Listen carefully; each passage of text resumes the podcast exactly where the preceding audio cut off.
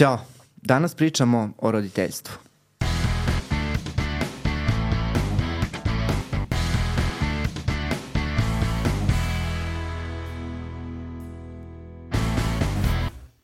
Dobrodošli u još jednu epizodu Dva i po psihijatra. E, danas pričamo takođe o jednoj temi koju ste mnogo tražili. Ranije smo nešto e, se doticali te teme iz, ugle, e, iz ugla adolescencije, iz ugla neurorazvojnih poremeća. Međutim, danas ćemo se malo više pozabaviti temom vaspitanja, roditeljstva, granica, generalno tih nekih stvari koje se tiču porodice. Moram da napomenem da ova epizoda neće biti biti namenjena samo isključivo za roditelje, nego možda za svakog od nas da vidimo kako je možda naše vaspitanje uh, uticalo na to da se mi strukturišemo uh, na način na koji smo danas, odnosno zašto se osjećamo i zašto smo ovakvi kakvi smo uh, danas kako je u stvari roditeljstvo naših roditelja uticalo na nas. A, pre nego što počnemo sa samim razgovorom, ja moram još jednom da vas podsjetim da mi imamo naš Patreon nalog. A, I ovih, ovim putem bih vas zamolio da nas podržite i tamo, jer samo naše Patreonđe dobijaju eksplozivan sadržaj a, koji snimamo posebno za vas i a, epizodu 24 sata pre premijere, tako da, eto, potrudili smo se da ovaj, vašu podršku podršku a, i na taj način opravdamo. Ukoliko a, ne želite iz nekog razloga da nas podržite, ma da ne vidim zašto ne biste, ali ukoliko ne želite, a, možete nas podržati i naravno ovde na YouTube-u tako što ćete se subscribe-ovati na naš kanal i pratiti nas na društvenim mrežama jer smo i tamo aktivni i uvek naravno pratimo vaše zahteve. E sada, da se bacimo u samu epizodu, a, ovo jeste jedna od e, kompleksnijih tema i dugo sam razmišljao o tome koga da pozovem. I ovaj, moram priznati da sam morao da nađem a, koleginicu koja je takođe a, sistemski porodični terapeut i psihološkinja, Olga Borovnica. Olga, mnogo ti hvala što si pristala da dođeš i a, da se zajedno upustimo u a, razrešavanje ove vrlo, a, kako bih rekao, kompleksne tematike. Ćao, pozdrav svima i hvala na pozivu.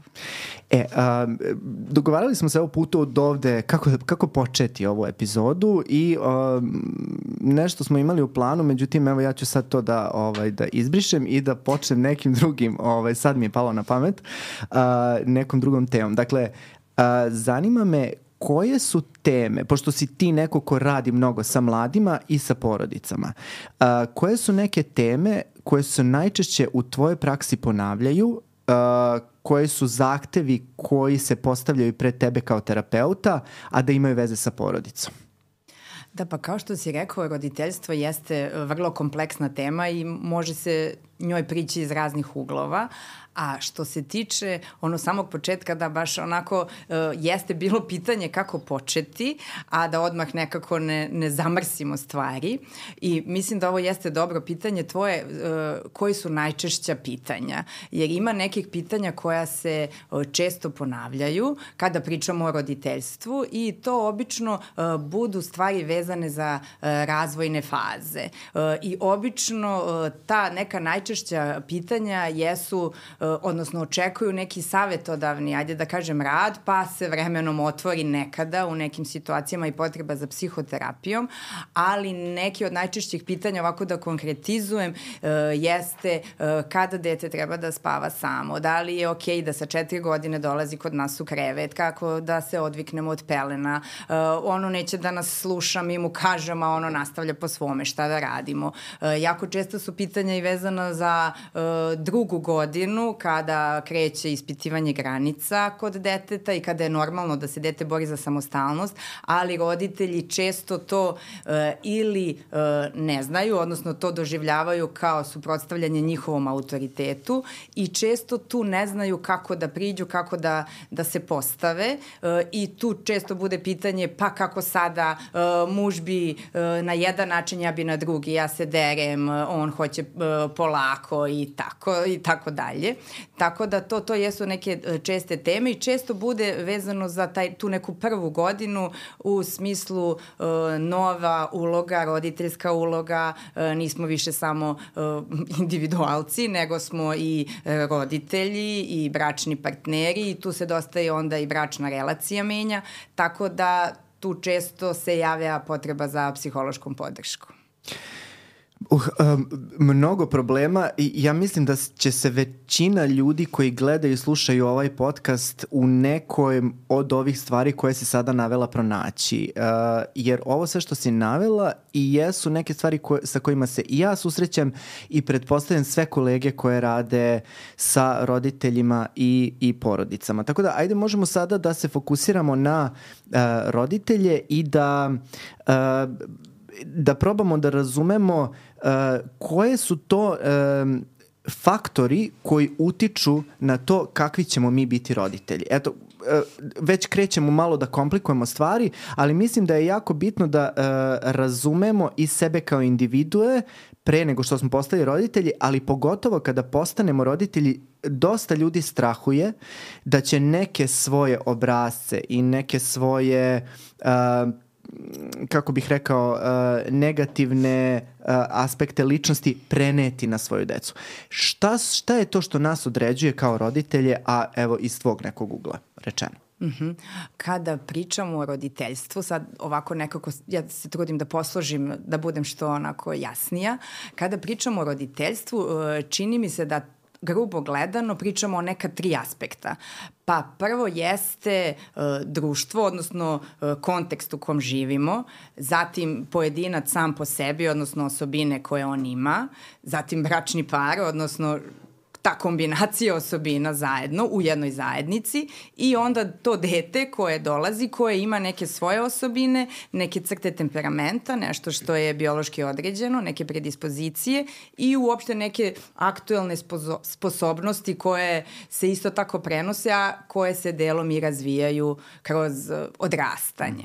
E sad, kad pričamo o prvom tom nekom delu o društvu i uopšte uh, o posledicama, o uticaju društva na nas, dosta je važno uh, gde, gde smo se rodili u suštini, jer uopšte negde su istraživanja pokazala, vidimo mi u praksi da e, stepen roditeljskog stresa dosta zavisi e, i od toga koliko smo oslobođeni nekih egzistencijalnih problema. Tako da mi sada, pričajući o, o našoj zemlji, e, imamo mnogo manje i socijalne podrške, odnosno iako se mi kao stručnjaci trudimo i dalje ta infrastruktura podrške psihološko-psihijatrijska defektovanja defektološka nije na tom nivou kao, na primjer, u Švedskoj, tako da roditelji samim tim ako imaju neki problem ne mogu tek tako lako da ga reše, odnosno da krenu da ga rešavaju kao u drugim zemljama. I uopšte sam taj egzistencijalni pritisak, odnosno ti neki svakodnevni problemi u smislu uh, da li ću imati dejan kakav će biti posao, da li ću imati stresa na poslu, da li ću izgubiti posao, uh, da li ću imati da platim kiriju za stan ili neću, svakako da utiču na roditeljski par i stvaraju veći roditeljski stres koji onda naravno uh, utiče na roditeljstvo. A i kako bi se roditelji generalno mogli fokusirati na uh, vaspitanje dece kada ne znaju da li će imati da jedu sutradan? Yes. Svi da kažemo svi troje u toj nekoj najklasičnijoj formi yes. a, porodice. Da. Jeste da. i onda nekako ostanemo kada ono pričamo o Maslovljevoj ono, piramidi potreba, o, naravno kada su roditelji na tom bazičnom nivou, odnosno kada nisu zadovoljene ni egzistencijalne potrebe, onda daleko su tamo razmišljanja o vaspitanju i kako ja sada budem tu za svoje dete. Kada mm. gledamo kako da mu obezbedimo uh, šta da jede i da obuče i kako će ovaj upisati vrtić, odnosno neće. Tako da to jeste jedna važna stvar koju moramo imati u vidu kada i radimo sa porodicama i koje porodice naravno kada promišljaju ili osjećaju krivicu da nisu dobro, dobri roditelji, nekako im se deo, ajde da kažem, oprašta zbog celokupne... Zbog konteksta u kojem jest, žive. Mm -hmm, jeste, mm -hmm. zbog konteksta u koje, kome žive. E sad... Uh, ovaj drugi deo? Drugi deo je uh, uopšte vezan za same pojedince, odnosno za taj skup osobina uh, koji svaka osoba ima, koji sad ulazi u bračnu zajednicu. E sad, ono što se pokazalo da jeste važno uopšte kako su uh, roditelji odrastali, odnosno kakvi su bili njihovi roditelji, uh, kroz kakvu istoriju su oni prošli vaspitavanja i uh, uopšte ka, šta su oni naučili o vaspitanju uh, i nekako svesno, u smislu gledajući kako su roditelji njih vaspitavali, disciplinovali i nesvesno u smislu kakav neki uh, osjećaj imaju u sebi u smislu kako su prošli kroz to iskustvo. Čekaj, hoćeš da kažeš da to je jedna vrsta psihološkog miraza, odnosno šta ti unosiš i donosiš uh, u, u taj brak, a vezano je za tvoj tvoja prethodna iskustva životna, što tvoja, što života tvojih roditelja, je li tako? Jest, Aha. jeste. Jer upravo uh, i neka istraživanja i kod nas, ono što je bilo 2020. je pokazalo da šest, više od 60% nekih informacija o roditeljstvu e, roditelji imaju iz svoje primarne porodice, odnosno vuku od svojih roditelja. Čoveče, to je baš dosta. Da. da. To je mhm. kad, ajde da pričamo o nekom, nekim konkretnim ono, podacima i to šta su oni čuli, kako sada, da li treba te, dete kažnjavati ili ne, da li ga treba pustiti, da li je roditelj glavni, da li je batina iz raja izašla ili nije i tako dalje. A sad da ne pričamo o nek, nekim i nesvesnim uh, procesima, u smislu, kad to kažem, mislim pre svega na neki sistem privrženosti, odnosno to da li su roditelji bili tu za dete, dete, odnosno da li su tog budućeg roditelja osposobili, dali mu alate da razmišlja o svojim postupcima, da se pita da li je nešto dobro uradio, da može da se emotivno veže pa i za partnera, a kasnije i za svoje dete. Da i e, rekli smo treća komponenta e, samo dete, odnosno e, često se veruje i dan danas, iako je ta teorija opovrgnuta pre ne znam nija više koliko godina, da se dete rađa kao tabula raza, odnosno kao jedna e, bela neispisana tabla na koju roditelji i okru, okruženje samo ispisuju. E ti si ovo već sama naglasila da to e, nije tako, dakle e, dete se rađa sa jednim sklopom, odnosno odnosno ne rađa se, nego stiče jedan sobstveni sklop ličnosti koji je posledica delovanja genja sredine, njegovog, kako bih rekao, fenotipskog, genotipskog sklopa, da se tako, ajde sad stručno izrazim, i ovaj, formira se kao sobstvena individua. Znači i od samog deteta zavisi kakav će roditelj da bude. Jest, Jesi to jest, htela da kažeš? Jest, mm -hmm. jest. I uh, to često kada radimo sa porodicama dođe kao neko rasterećenje kada počnemo da pričamo o tome da nije sve do roditelja. Nekako kao da roditeljima malo padne kamen sa srca kada dobiju i potvrdu od nas stručnjaka da to kakvi će oni biti dosta zavisi od njih naravno, ali uh, jednim delom zavisi od deteta. Jer uh, dete se rađa sa nekim uh, predispozicijama i uh, negde smo svi mi i koji imamo i koji nemamo decu bili u prilici da vidimo da neke bebe kad dođemo u posetu su razdražljivije, da se teže umire, da majka treba da uh, cupka kad ga nosi, da ne može da se smiri samo dodirom, uh, da ga promena u okolini uznemiri ili je aktivnije, prevrće se dok neko dete, beba leži, gleda, mirno je, lako se smiri. I to su upravo te crte temperamenta koje e, nas razlikuju. E sad, što se tiče te teme, sad ne znam da li mogu da se malo proširim. Apsolutno, apsolutno. Ovde čini... imamo ono, svo vreme sveta. Ono. Jer čini mi se da jes, jeste onako zanimljivo i važno nam kad pričamo o roditeljstvu. Nekako još davno uh, 50-ih, 60-ih, mislim je bilo to onako čuveno istraživanje temperamenta uh, Stele Čes i Aleksandra Tomasa koji su 30 godina, meni, mislim često to pominjem jer mi je baš fascinantno koliko je, su uspeli da ovaj, drže to istraživanje, 30 godina je trajalo istraživanje i oni su pratili decu koji su tada bili bebe, narednih 30 godina i majke i majke su popunjavale uh, upitnik uh, vezan za razne neke osobine uh, svojih beba, a kasnije kasnije i odraslih ljudi. E, I na osnovu toga su se operacionalizovali de, devet nekih dimenzija temperamenta. E sad kasnije je bilo mnogo, mnogo različitih teorija, mnogo istraživanja koje postoji dan danas. Ono što je nekako tada pokazano, a što se kasnije onako malo promenilo, reći ću tu posle, jeste da se deca razlikuju u nekim dimenzijama i da te neke dimenzije ostaju relativno stabilne kroz vreme, što znači da su od tih 130 majki neke bebe su bile uh, aktivnije, neke su bile manje aktivne, tipa više su se pokretale, više su htele novo iskustvo, dok su neke bile mirne i bile su zadovoljne samo da sede i da posmatruju šta se, onako šta prolazi pored njih, nisu same tražile da nešto upoznaju. Razlikovali su im se prag reakcije reakcije. Neke su brzo reagovale, neko sporije. E, razlikovale su se u smislu iritabilnosti, koliko je nešto ih uznemiravalo ili nije ih uznemiravalo. Razlikovale su se vezano za pažnju, koliko su mogle ili nisu mogle da drže pažnju. I uopšte te neke dimenzije uh, jesu uh, neke crte temperamenta. E sad, da ne bi toliko, da kažem, pričali o tim, tom što je bilo ranije, uh, prošlosti, ono što je sad uh, ni najviše se radi tim instrumentom vezano vezano za uh, temperament uh, su je, istraživanje temperamenta Mary Rothbard koja negde izdvaja reaktivnost i samoregulaciju. I može se reći da je to ono ranije što je bilo samo faktorski onako, ajde da kažem, kontekstualno bolje, malo jasnije upakovani. upakovani, pa da.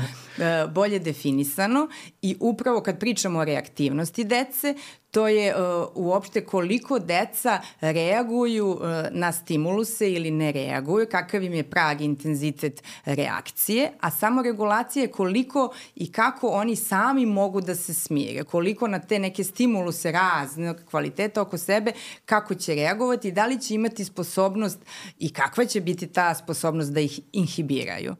I kad onda, kad se vratimo ovo na početak vezano za roditeljstvo, ono što se pokazalo i u istraživanjima i što mi vidimo u praksi, da deca koje su reaktivnija a uh, koja imaju manju sposobnost samoregulacije, da će ona biti teža za roditeljstvo.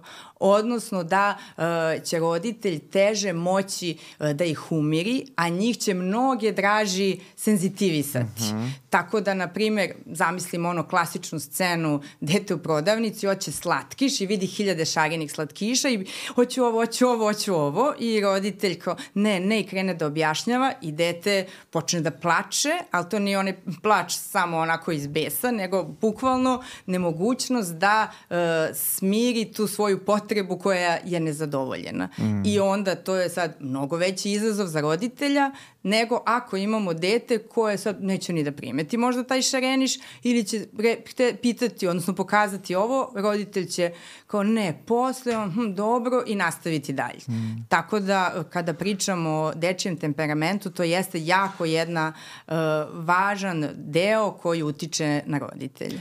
Um, hvala ti, ovo stvarno si, što se ovog dela tiče, kada pričamo o samoj deci, kako deca povratno utiče na to da ovaj, se roditelji strukturišu na ovaj ili na onaj način, mislim da smo to pokrili uh, jako dobro, ali ono što mislim i da, se, da će sve slušalce zanimati jeste upravo ona priča o nekom transgeneracijskom prenosu roditeljskih nekih veština, ovo što si pričala, znači mi smo recimo u uh, detinstvu imali iskustva sa nasilnim uh, vaspitanjem, imali smo iskustva sa prestrogim roditeljstvom, imali smo iskustva sa prepermisivnim roditeljstvom. Uh, koliko to ima uticaja na nas uh, danas. S, dosta dolazi kod mene zabrinutih roditelji i kaže, slušaj, mene je majka uh, urnisala ili me je ono, tukla me je ili me je toliko zanemarivala, bila je narkoman, ni, nisam videla majku u životu.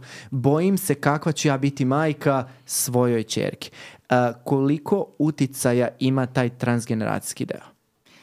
Što se tiče vrste roditeljstva, uh, dešava se, to što kažeš često vidimo u, u praksi, da sada uh, roditelji, a to je opet negde i bolja uh, verzija, svesni su šta su, ajde da kažem, roditelji njihovi, kako su postupali i šta možda nije bilo u redu i e, pitaju se da li oni e, treba da se ponašaju na taj način, odnosno ne žele da se ponašaju na taj način. Znači oni su već na pola puta od promene, yes. zato što imaju svesnost i uvid to znamo da je i od terapiji generalno mm. znamo da je to jedan najveći korak koji treba, ali dosta ljudi nije čak ni svesno. To jeste. Da, i ne to traži jeste. taj odgovor. I pitanje je, kad kažeš to transgeneracijski, pitanje je koliko će sad neko koji je imao, na primjer, roditelja uh, koji je bio agresivan, koji je bio uh, autoritaran, koji je želeo da on bude glavni, da ima moć, koji je strogo postavljao granice, uh, da li će neko ponoviti, da li će se samo doći do replikativnog skripta i ponoviti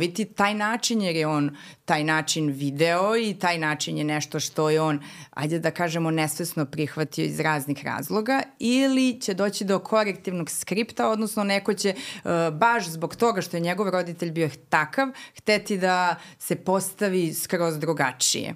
Uh, e sad, uh, ono što jeste tu važno, koliko sada smo mi uh, uspeli da se sad povežemo sa tim našim iskustvom iz prošlosti. Jer ono što se pokazalo, i ajde da kažemo i teorijski istraživanje i u praksi, Da, ako je neko imao neko e, traumatsko iskustvo, ako je neko bio dosta zanemarivan ili zlostavljan, on jednostavno će u detinstvu odcepiti taj svoj e, afekat, jer je mnogo teško da dete negde prihvati, odnosno da bude svesno da ta osoba koja je njemu najvažnija, e, da se tako ponaša i da radi nešto što nije e, po njemu znak ljubavi, odnosno udara ga ograničava, omalovažava, e, loše se ponaša. I onda je to u stvari odbrambena taktika da dete odcepljuje taj svoj doživljaj i uopšte se ne bavi osjećanjima i onda dobijemo na kraju odraslu osobu koja nije u kontaktu sa tim delom sebe. Da.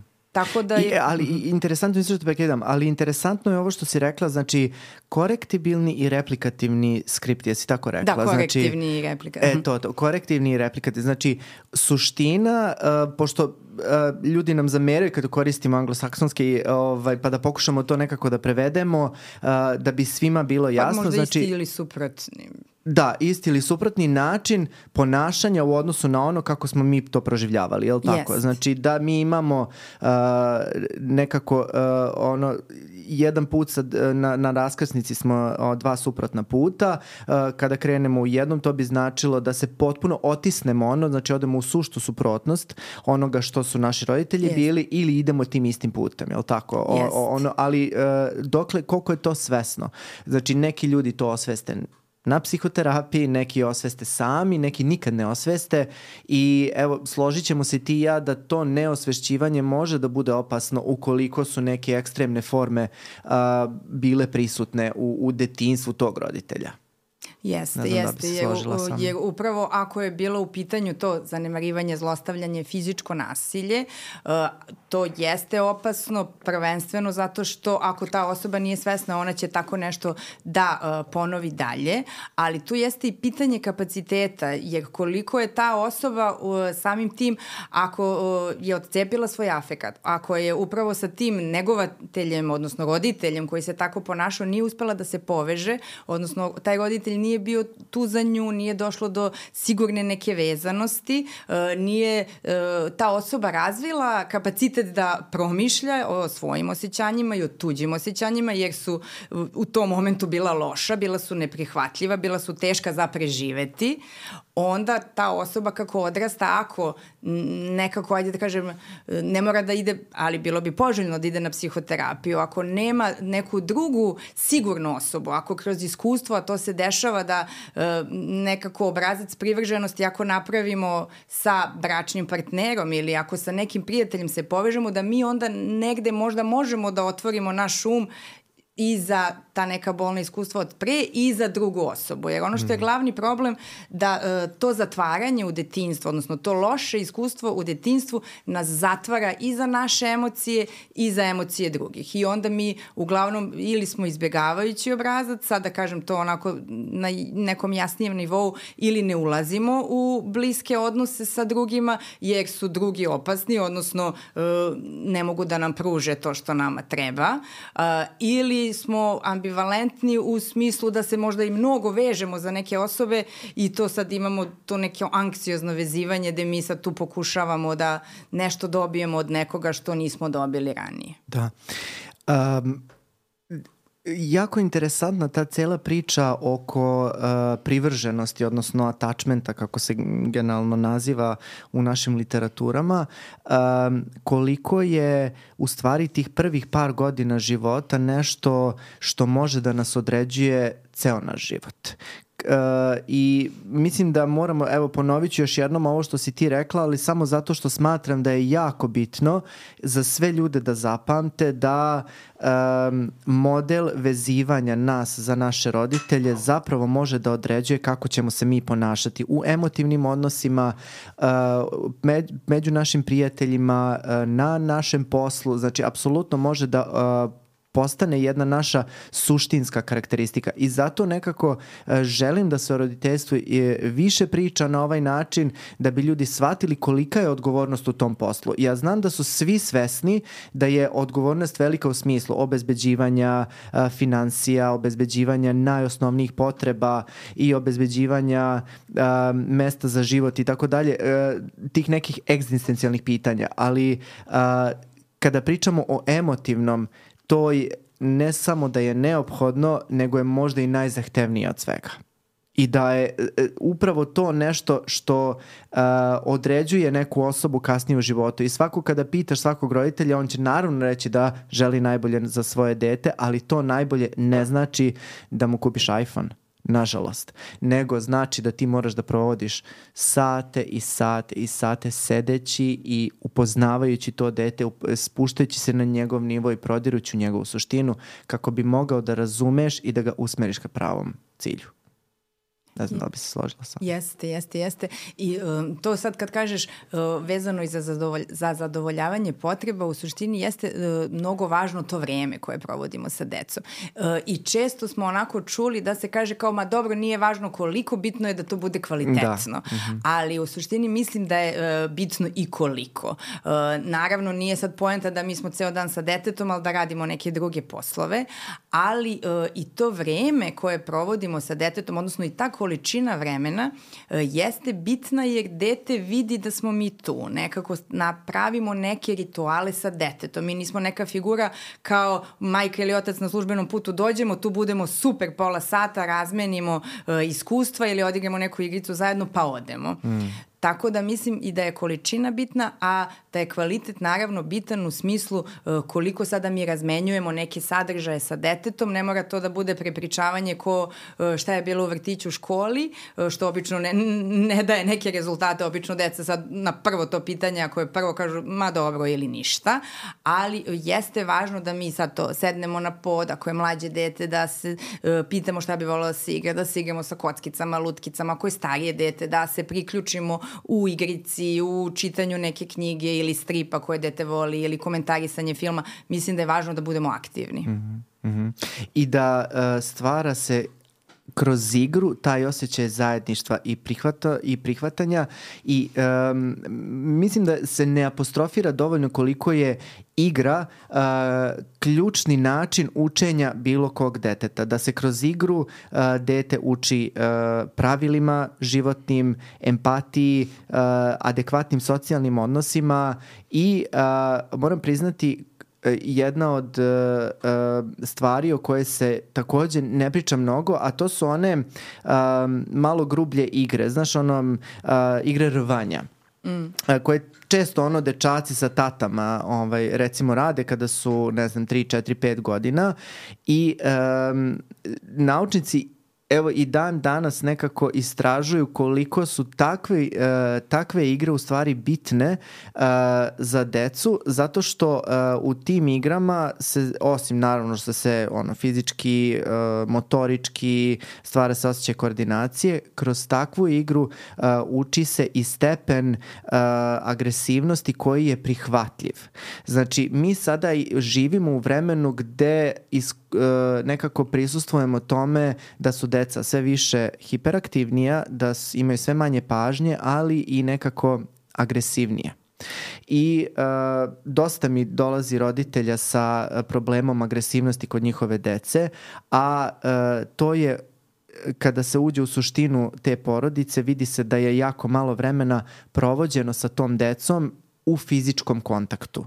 Znači, ta deca nemaju, uh, nisu imala tu vrstu igara sa svojim roditeljima i sam i nego su recimo blejala na telefonu ili bila zakačena za televizor i uh, u tom nekom smislu nisu uh, stvorili predstavu ljudskog dodira. I sad ti zamisli da dete uh, posle tri ili četiri godine uh, boravka u kući u kojoj je boravilo recimo na telefonu dok je baka kuvala ručak, uh, dolazi u kolektiv u kome se očekuje da uh, se poštuju neka pravila, da se uh, ostvaruju neke adekvatni socijalni odnose, zašto on ne bi prišao još šamario neko drugo dete ili ga povukao za majicu?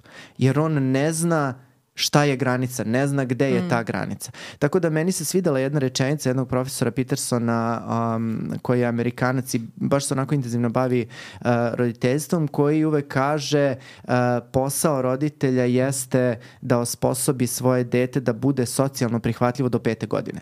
I to svi treba da urežu u svoje glave da je uloga svakog roditelja do pete godine da napravi svoje dete da bude prihvatljivo drugoj deci i drugim roditeljima jer znaš i sama mi uvek pričamo o deci kako su to najdivnija stvorenja na svetu, kako su to naši mali anđeli, ali mogu da budu strašno grozna.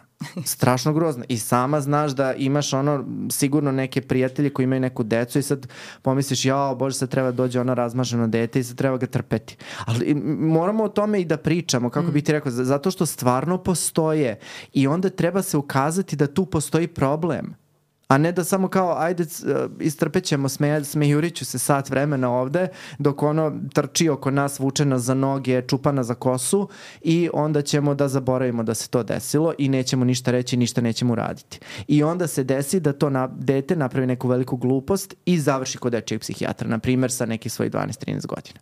Mm. Jeste upravo to što pričaš vezano za i e, ispitivanje granica, odnosno dokle sada možemo, vezano za, ajde da kažemo i te fizičke, donekle i agresivne igre, jeste nešto i slažem se što sad učimo prvo kući, prvo učimo jer dete, e, ajde da kažemo u najboljem slučaju do dve godine je kući, čuvaju ga roditelji ili ako i majke krenu da uh, rade ranije, tu su uh, bake, deke, babysitterke i nekako uh, tu se prave ti prvi, ajde da kažemo i fizički kontakti, granice moje telo, uh, telo drugoga tako je, i tako granice je. sa spoljnim svetom i mi mu pravimo te okvire. E, Jeste, izvini sam te što ti prekidam, ali samo zamišljaš to dete koje će ti doći naravno sa dve, dve i po godine i povući će te za usnu, za uvo i ti ćeš mu onda objasniti to ne može boli me, znaš, ono mi kažemo roditeljima napravite se, ono, da plačete, da vas boli, nekako prenaglasimo te emocije, prosto da e, ukažemo detetu da je to neadekvatan vid dodira, kada se tu to nauči i u tom trenutku, a deca jako brzo uče u tom periodu, zato što im je a, kognitivni aparat kao super mozak i uh, ako se tada to nekako svati i prihvati, nećemo imati problema do četvrte godine kada se uključi u kolektiv ili e, ne da Bože prvi put uđe u kolektiv sa sedam godina kada sedne mm. u školsku klupu, tada tek nastaju problemi. Jeste, jeste i uopšte. I prekinuo sam te, izvini, možda sam, da. Nisi, nisi taman si ovaj, uh, lepo upao, ali u suštini kada pričamo i o tim uh, jako važnim fizičkim granicama, tu su uopšte i te granice uh, dokle smemo uopšte u, u ponašanju, koje ponašanje je prihvatljivo, koje je neprihvatljivo i uopšte kada pričamo o roditeljstvu, granice jesu tu nešto što je uh, dosta važno i nešto gde se roditelji često uh, polarišu u smislu uh, roditelja koji su uh, autoritarni, odnosno koji imaju taj obrazac fun funkcionisanja gde je sada uh, treba da se zna ko je gazda, ko je glavni u kući, uh, da dete mora uh, bespogovorno da sluša roditelje, da ne sme da se pobuni, uh, da je uključena za nepoštovanje nekih pravila i fizička kazna, do uh, roditelja sa druge strane koji, što, što mislim da si ti pomenuo u jednom momentu, koji su permisivni, odnosno koji su zaštitnički, koji sve dopuštaju, ko, gde nekako se sve se sme, leći će kada uh, mu se spava, uh, može da jede na podu, može da jede na krevetu, može da jede uz televizor, gde je sve dopušteno.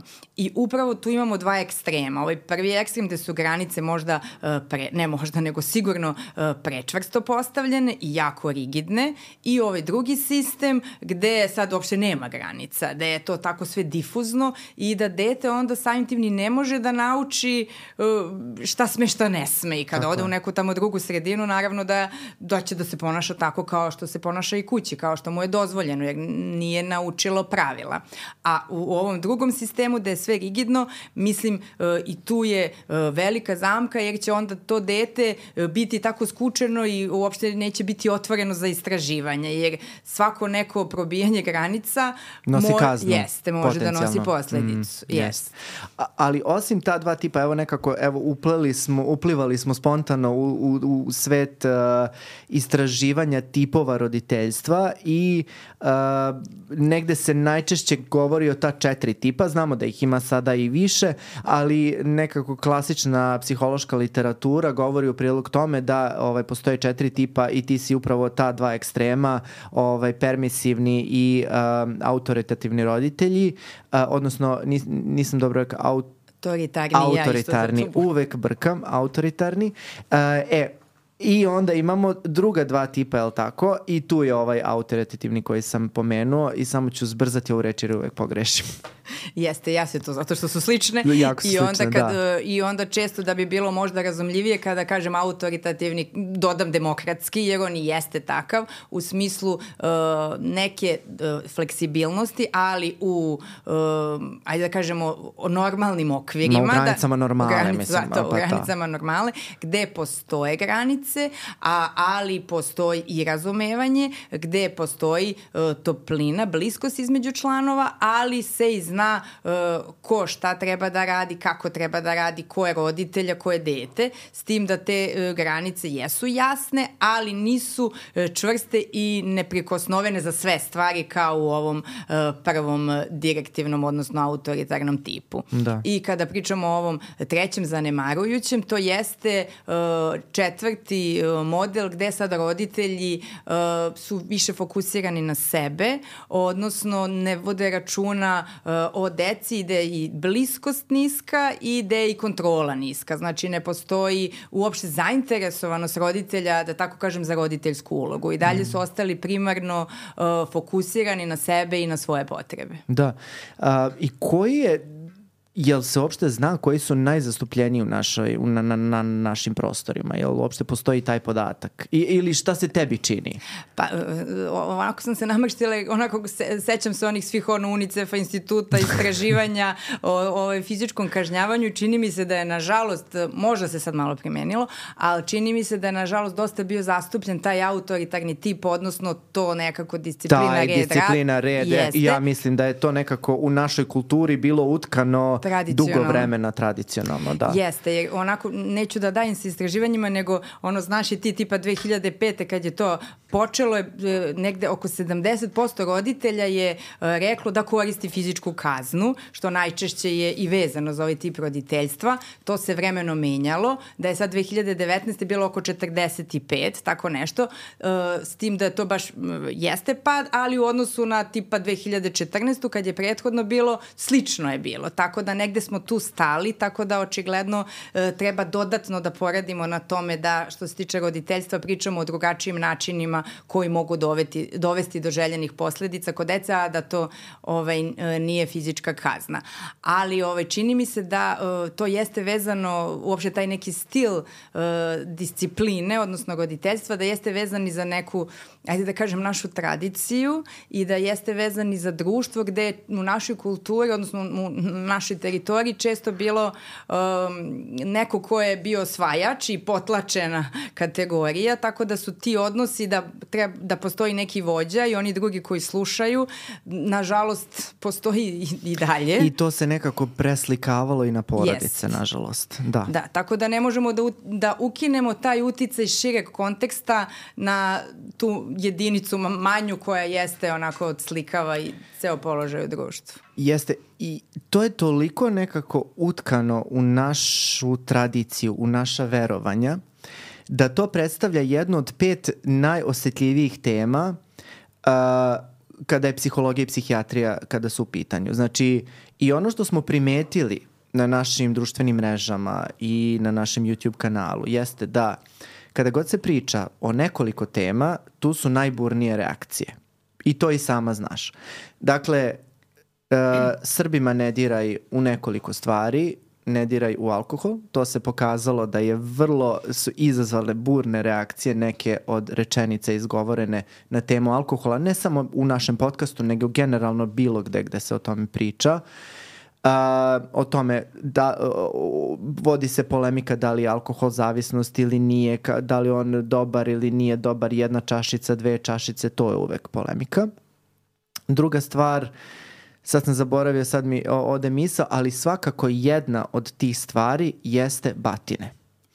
A, da li su batine prihvatljive ili nisu, kod nas je dugo vladala ta opšte poznata rečenica batina iz raja izašla i a, kada god govorimo, evo znam da si i ti jedna od osoba koja je pisala i govorila na tu temu i, i to je jedan od razloga zašto sam te danas pozvao da, da razgovaram upravo o ovome. Um, šta misliš, zašto je to, pričat ćemo o tome zašto to da li, da li ne, ali uh, zašto misliš da je to toliko osetljiva tema za nas kao društvo? Jer, uh, evo, otkriću ti jednu tajnu pre nego što mi odgovoriš na pitanje. Uh, držali smo neka predavanja koja se tiču fizičkog kažnjavanja, odnosno batinjanja dece, da se tako izrazim.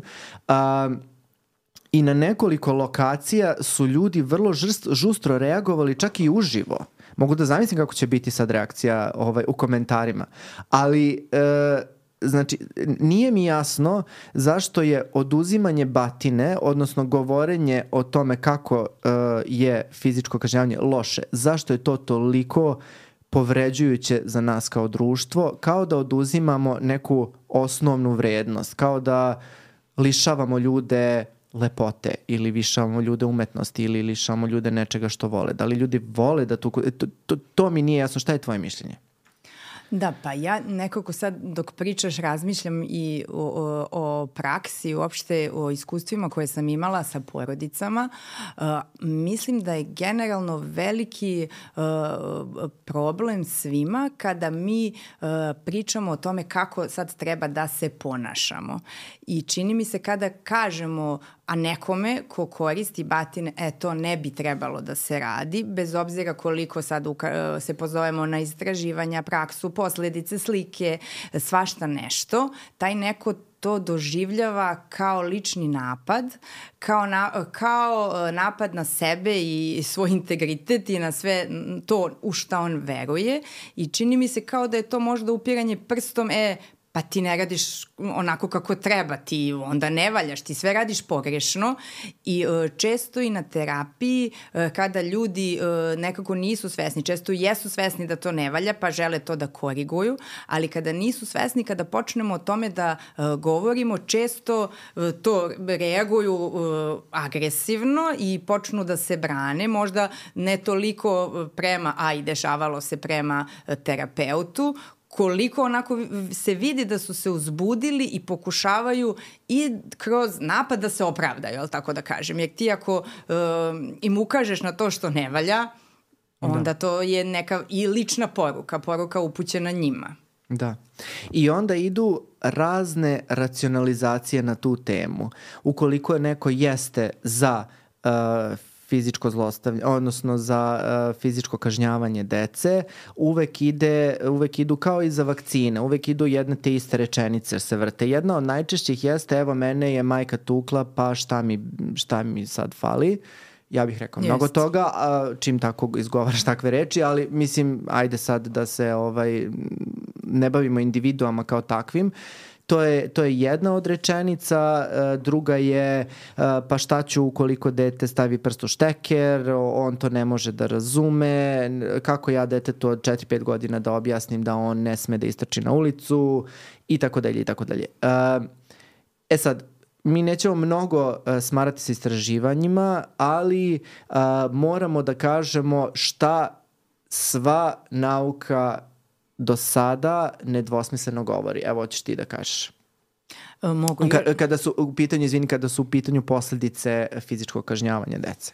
Da, i hoću samo uh, da dodam uh, vezano to za roditelje, zašto, zašto toliko se bune neki roditelji, ne mogu da prihvate. Mislim da je to, uh, osim ovog što sam rekla, možda delom vezano i za ono što smo pričali na početku, vezano za njihovo iskustvo uh, iz prošlosti kao deca. Jer ako je neko imao slično iskustvo, samo to uh, ukazivanje i suočavanje sa tim da to nije dobro, nekako ne, uh, govori loše i o njegovoj, njegovoj porodici, o njegovom iskustvu i otvara neku pandorinu kutiju, mm -hmm. tako da Kao negde da se vrši neki bodemo... lični atak na, yes. na, na sve to što ta osoba jeste. Jest. I njeno poreklo i njega samog, je li tako? Jest, jeste. Da. A o, ono što je, uh, mislim, a da ne kažem treća, ali što je dodatak, da uh, batine jesu u neku ruku moć i da ako neko ne zna kako da uspostavi uh, kontrolu na drugi način osim batinama, naravno da neće to da ispusti kao uh, i diktatori u državi, oni nekako strogo što vuku konce i što ne dopuštaju da ništa procuri, održavaju moć, tako da mislim da niko ne želi tako lako da se odrekne moći. Da. Uh, s tim što bih ja možda dodao još jednu stvar, a to je da ne znaju često zbog svega ovog što si navela da postoje i alternative. Da postoji i drugi vidovi uh, vaspitanja i disciplinovanja za koje mi svi se slažemo da je ekstremno bitno, ali jednostavno nisu naučeni da druge stvari postoje. Neki ljudi znaju zapravo stvarno da postoje samo batine. Mm. I da je to jedini način da ti uspostaviš uh, što kažeš, kontrolu nad svojim detetom i da ga, uslovno rečeno, mm. vaspitaš. Ali mm. ono što znamo mi jeste da batine nisu vaspitna mera. Jer ono što vaspitanje obuhvata jeste uh, neutralisanje lošeg ponašanja, ali i da dete nauči nešto novo iz svega toga. Da nauči kako da se ne ponaša u sličnim situacijama na neadekvatan način. E, batina nema tu drugu komponentu. Mm. Batina ima tu osnovnu komponentu neutralisanja lošeg ponašanja ili nečega što mi želimo da prekinemo u tom momentu kao roditelji. Ali nema tu komponentu da se iz toga nešto uči, nego zapravo imamo potpuno suprotnu komponentu, a to je zastrašivanje, to je da dete oseti bol, diskomfort i sve druge posledice batinjanja. Mm. I kad e, vratit ću se na posledice, to je mnogo važno no, da, ka, da kažemo koje su uh, posledice kratko uh, ili dugo, svejedno, da, ali da. jeste važno, ali uh, možda da dopunim to, uh, to kad kažeš uh, neki roditelji znaju, ali nemaju alate, ono što se i meni pokazalo uh, onako u praksi kao da ima nekako više tipova roditelja, tako da kažem. Prvi tip je ovo što, što smo spomenuli uh, koji uh, misli da je to pravi način i tu nema razgovora. Uh, this is the way koje mm -hmm. gledao Mandaloriana, to je način i nema šta. I nekako sam uh, i relativno uh, imala iskustva sa klijentima koji kada uđete u priču pa kad uspete da dođete do njih, negde vidite da sad oni, na primjer, kažu ja sam direktor u svojoj firmi, mene svi slušaju, a mene kući dete ne sluša. Rođeno ja dete da, me ne sluša. Da. Tako da je to neki skript, neki, neki narativ gde sad svi moraju da slušaju a naravno dete na prvom mestu. Da. Tako da je to, ajde da kažemo, prvi neki model. Uh, drugi model jesu roditelji, to često bude koji su ambivalentni, koji nekako vide da ne treba, ali i dalje to koriste, pa koji bi da se menjaju, pa koji pitaju za savete, a onda dođu pa dete kaže, e, opet me, su me tukli, pa oni, pa jeste, pa nismo hteli, pa sad tu se negde lome i tu se često uh, prepliće nekada i pritisak okoline u smislu, pa oni su mi, roditelji su mi rekli kakav je razmažen, ti to treba da uzmeš varjaču u ruke, mm. komšinica mi je rekla, tako da onda sad to njihovoj ambivalenciji još više doprinose uh, pritisak okoline i treći uh, važan uh, i dosta ih ima čini mi se ovaj uh, grupa roditelja koji jednostavno gube kontrolu u nekim mm. situacijama i ne znaju šta će i gde dolazi jednostavno do kolapsa njihovih roditeljskih strategija i oni nekako kažu pa sve smo pokušali ja lepo rekla sam mu pet puta i došla sam i sve sam pokušala i, i nisam znala šta ću i ti roditelji i vidi se da istinski imaju i uh, krivicu i kajanje i stid, ali jednostavno kao da e, ne mogu bez pomoći da sami sebe kontrolišu prvo svoje emocije, a onda uh, emocije deteta. Da, ali jedna stvar koja iz sve te cele priče meni objedinjuje sva ta tri tipa roditelja jeste nemoć. Mm -hmm. Nemoć da se izboriš sa detetovim ponašanjem u datom trenutku. Znači, eto, najbolji primer je ta majka, poslednja, koja je sve pokušala i nije uspela i onda ga je mm. oddala Mila, na primer, i kao, evo ga, sad sam uspela. Ali meni sve to, e, znači tu se najbolje nekako ta nemoć vidi, ali vidi se i u ovim ostalim. Vidi se i potreba tog autora... Um, autoritarnog. autoritarnog tate koji je korporativni neki lik koji može da uh, mora da drži sve pod kontrolom pa mora da drži i članove svoje porodice. Znači i tu se vidi neka po, uh, iz potrebe za kontrolom mi znamo da to zvuči kao neka malo narcistička struktura, pa onda znamo koliko su narcisi samim tim unutra nestabilni, nesigurni i nemoćni i onda moraju da koriste agresiju kao uh, jedan vid i zaštite sobstvene ličnosti od svega što ih ugrožava s polja. E, ali ajde, znači možemo, što se rekla kratko, ovaj, ovo je podcast, tako da možemo pričamo do sutra, ovaj, ali evo, e, šta ti misliš da je bitno kada su posledice uh, fizičko kažnjavanje? Da li postoje uh, benefiti, odnosno da li postoje dobre strane ili su sve loše i koliko su loše ako su samo loše? Pa sve, sve su loše. Nekako bi bilo uh, lepše da kažemo da postoji nešto što je dobro, ali uh, ni, u suštini ništa, ništa tu ne valja, ništa tu nije dobro. Uh, I uh, uopšte, i mi vidimo to nekako i kad nam dođu deca, uh, i učili smo i na fakultetu i na specijalizacijama i vidimo sad razne istraživanja i dalje se vrše što kod nas, što u inostranstvu i uopšte možemo da grupišemo u neke četiri kategorije, ajde da kažemo posledica. E, posledice mogu biti i fizičke u smislu nekih povreda koje mogu doći e, fizičkim kažnjavanjem jer ono ne mora da bude samo e, udaranje po guzi, štipanje, zavrtanje ruku kao što znamo vučenje u šiju ili čupanje, čupkanje kako kažu roditelji kose, može biti i predmetima i vrućim pe, peglama, predmetima. Čak i vatrenim oštr... oružjem i sveme, da. Jeste, mm -hmm. oštrim predmetima i tako dalje.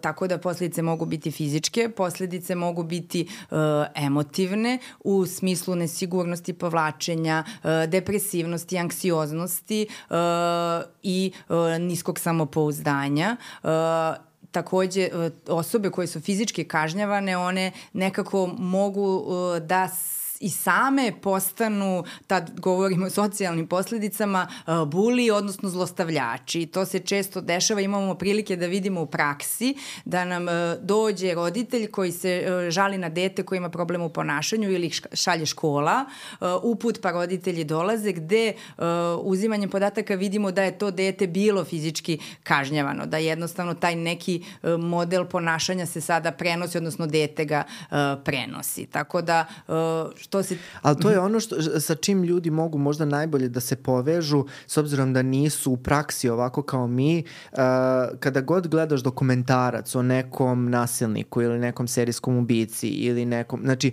uvek kada se retrospektivno radi pregled njegovog ili njenog života, vidi se da je postojala neka vrsta um, fizičkog ili emocionalnog nasilja u njihovom detinstvu, obično od strane njihovih roditelja.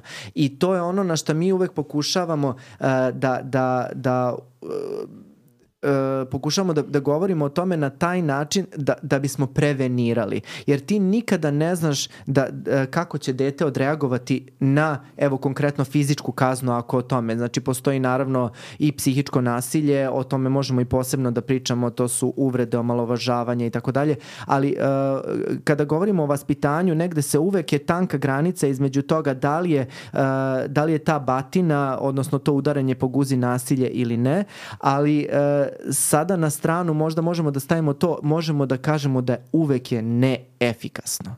Mm. Dakle, ono što smo rekli jeste da ono jest rešava ponašanje u trenutku, ali šta ono posledice koje ostavlja su neizbrisive i nemerljive. Mm. I to sva istraživanja i svi psiholozi, psihijatri godinama unazad govore. Jeste, jeste. I ono što jeste još dodatno važno su i kognitivne posledice, odnosno često ta deca imaju probleme u učenju, probleme sa koncentracijom i uopšte ako je dugo prisutno fizičko kažnjavanje, odnosno to, kažeš, tanka je granica između nasilja i nasilnih metoda, ali uopšte taj dugotrajan boravak u porodici gde postoji stres, gde postoji ta stalna anksioznost da će nešto da se desi, da ćemo za nešto biti kažnjeni, utiče na uh, sve te zone u mozgu koje su u razvoju, a koje su vezane za kontrolu emocija, za uh, kontrolu ponašanja, za organizaciju, za upamćivanje i tako dalje. Pa kako uopšte možeš uh, kognitivno ili intelektualno da se razvijaš kada sve vreme živiš u strahu? Mm. Tebi je onaj uh, mehanizam stresa i straha je. konstantno uključen i svi znamo da on može ukoliko je prolongirano uključen, odnosno dugo, dugo vremena uh, je aktiviran, a to jeste u tim porodicama u kojima moraš da hodaš po jajima kada tata spava ili ne, se strahuješ da će doći pijan kući pa te pretući i tako dalje, on je stalno aktivan, stalno smo u nekom oprezu i on može da ima i neurotoksično dejstvo mm. i to su upravo ove kognitivne posledice o kojima, o kojima ti govoriš I, i hvala ti što si to pomenula, to sam zaboravio ovaj, uopšte da, mm. kao, kao, kao koncept. E sad, uh, tu smo, malo smo pričali o, o batinama, ja ne mogu samo da ne pomenem, um, evo možda za, da zatvorimo tu temu, jednu rečenicu Duška Radovića koju mnogo volim da, da pominjem, a to je ukoliko tučete decu, tucite ih bez razloga, jer svaki drugi razlog je gluplji. Mm. I mislim da nekako najbolje opisuje ovo o čemu, smo, o čemu smo danas pričali. Zapravo ne postoji dobar razlog da mi pretučemo svoju decu. I moram samo da kažem, jer uvek se...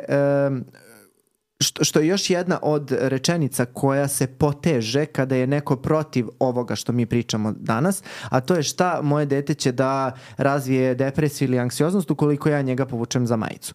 Ne mislimo, ili ukoliko, ga udarim po ruci jednom. Ne mislimo mi to. Niko to ne govori zapravo. Ali šta mi time postižemo, to je pod broj 1, a pod broj 2 ono što su istraživanja pokazala jeste da uh, svaki vid telesnog fizičkog kažnjavanja može da eskalira.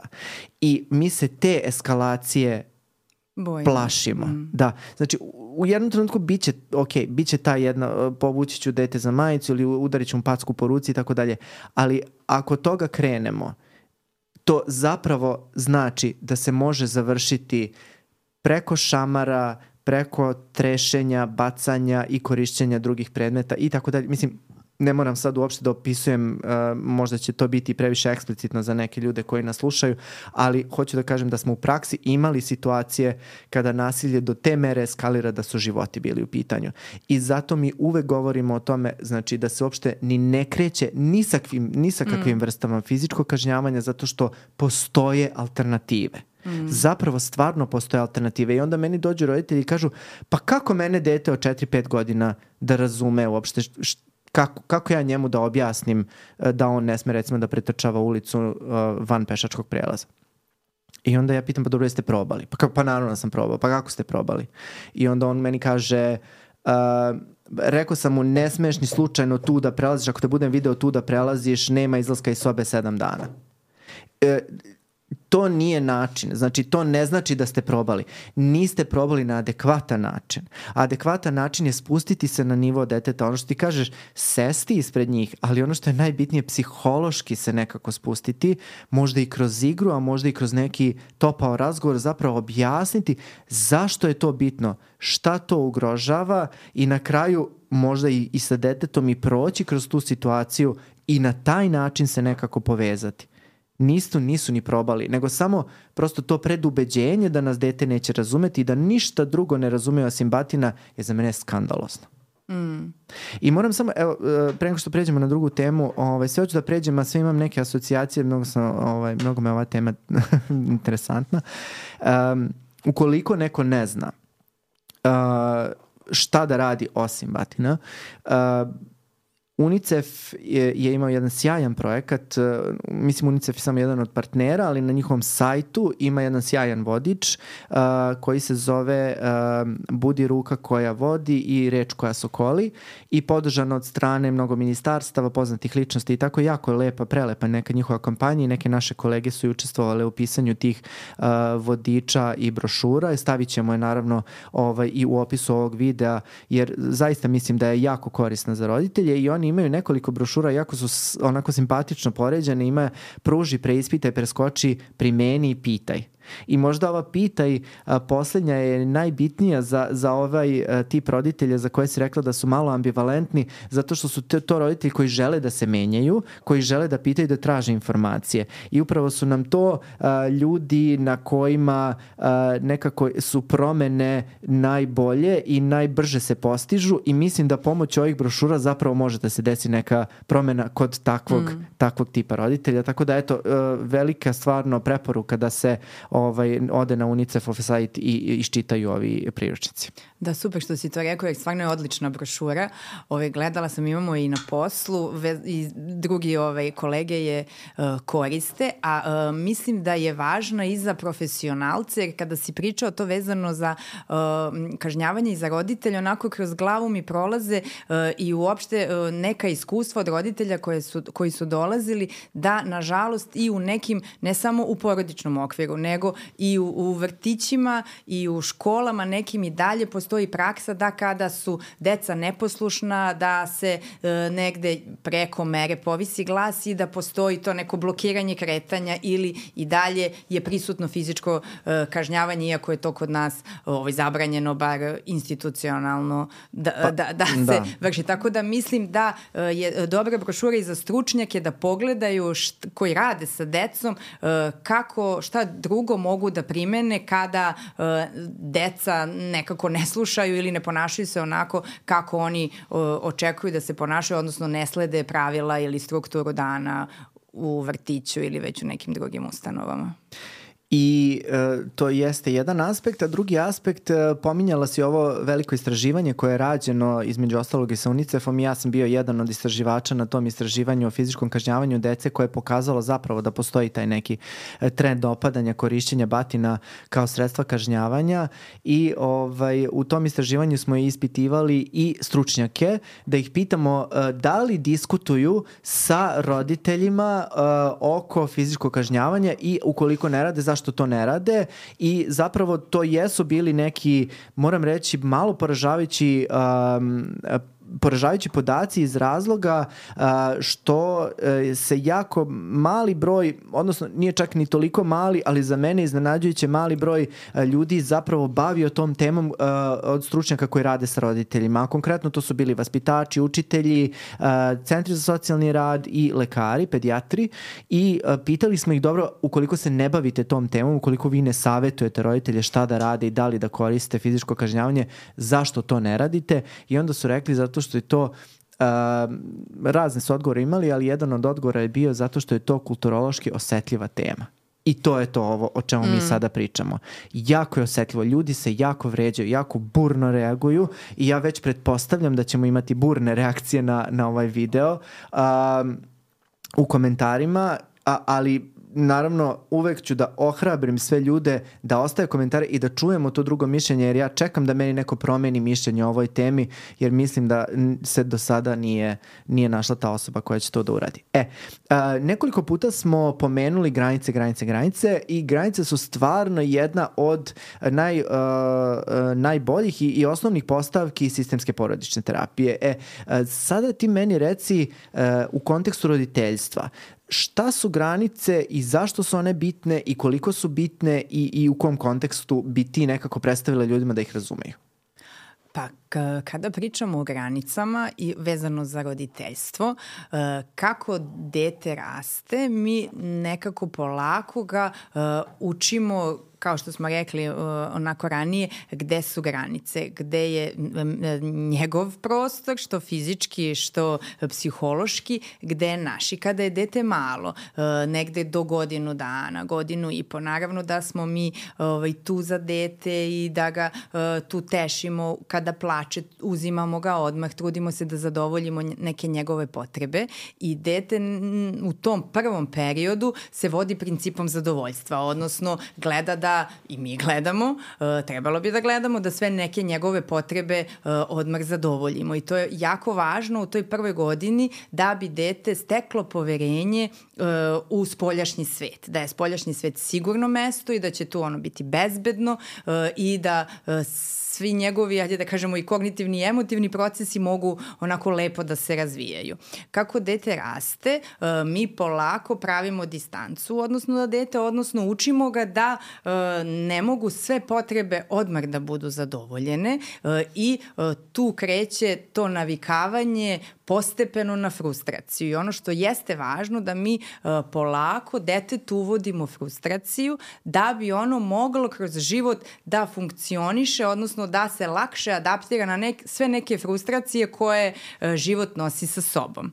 E sad, uh, tu če... Ti hoćeš da isfrustriraš moje dete. To je jedna od reakcija koju stvarno dobijam u, kada ja kažem, dobro, pa dete nekad mora da se dosađuje, mora nekad da bude nervozno, nekad mora i da plače, sve je to u redu, uči se životu. Vi hoćete moje dete pati. Znači, i, i to je, i eto ti problema. Eto odmah, izvinite što sam te prekinuo, da, da, ali, da, da. ali to je stvarno jedna od reakcija koju ćeš dobiti i jako mi je drago da si uopšte poentirala na tome da se uvodi pojam frustracije koje dete mora da prođe mm. da bi znalo. I tu jeste mnogo važno, uh, mislim, i ključna je reč doziranje. Jer kao što kažem, do prve godine uh, ne treba da frustriramo dete i treba da budemo tu za njega da bi ono steklo osnovnu sigurnost i poverenje. I kako dete raste i kako postaje i fizički i mentalno zreli, zrelije i kako počinje da povezuje uzrok i posledicu, tada mi polako uvodimo frustraciju i kada dete počinje i da razume govor, e, tu je dete spremno da polako se navikava da ne može sve odmah da dobije. I tu je negde početak uspostavljanja granica. E, kada kažem to kada je dete malo veće, e, u smislu on pokazuje da hoće da uzme neku staklenu, neku našu omiljenu čašu sa policem i pokažemo ne, ono kreće će da plače i mi tu ostanemo, ne, pokažemo, mama plače, voli čašu i to je to. I sad to malo dete od dve godine koje nema e, razvijen govor, donekle može da razume da je to zabrana koja je data i verbalnim i neverbalnim putem i e, mi treba tu da ostanemo pri toj našoj zamisli, odnosno da ostanemo dosledni, da bi dete polako bilo spremno uh, za neku sledeću granicu i za neku sledeću frustraciju.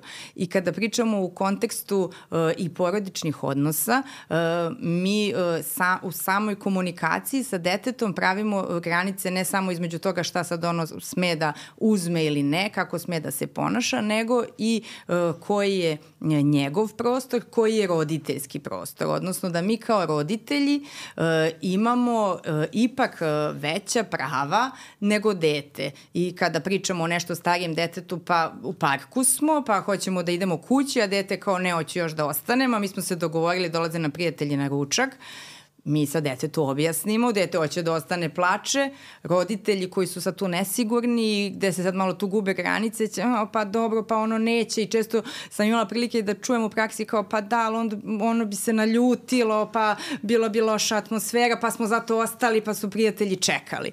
Znači, svaka situacija jeste prilika za postavljanje granice. Tim što ćemo mi detetu objasniti, pa sad dete se možda neće smiriti, ali i često se ne smiri odmah, ali mi smo tu da istrpimo njegovu frustraciju i da krenemo tamo gde smo naumili.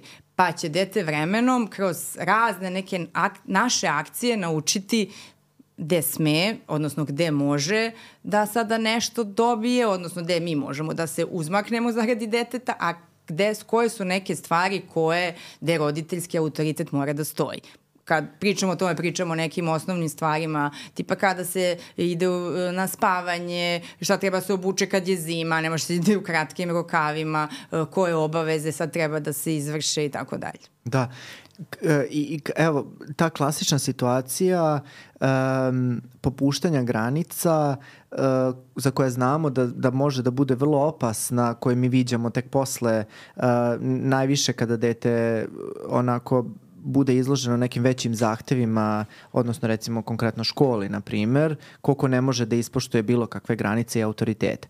Uh, E, ali mi je vrlo slikovito si to opisala, znači i ostala mi je ta scena gde prijatelji čekaju zato što uh, dete nije moglo da se odljuti ili nije htelo da krene ili šta god. E, i tu onda dolazimo u stvari do koncepta hijerarhije. Tu nekako uh, dete preuzima ulogu nekoga ko određuje pravila. E sad mi objasni uh, koliko je bitno da postoji hijerarhija u porodici. Pa, uh, jeste jako bitna i tu negde se vraćamo na one mode, modele roditeljstva kada pričamo uh, o uh, kontroli, odnosno bliskosti, jer kada pričamo o kontroli, pričamo i o granicama, pravilima, hijerarhiji. I to jeste nešto što je važno da postoji u svim, rod, mislim, u roditeljskom stilu i da to nije odlika samo stila ovog što smo pričali autoritarnog gde se samo roditelj sluša, jer to je jedan ekstrem, a hijerarhija je normalna uh, da postoji, treba da postoji u svim porodicama, jer eto, mi smo roditelja, dete je dete.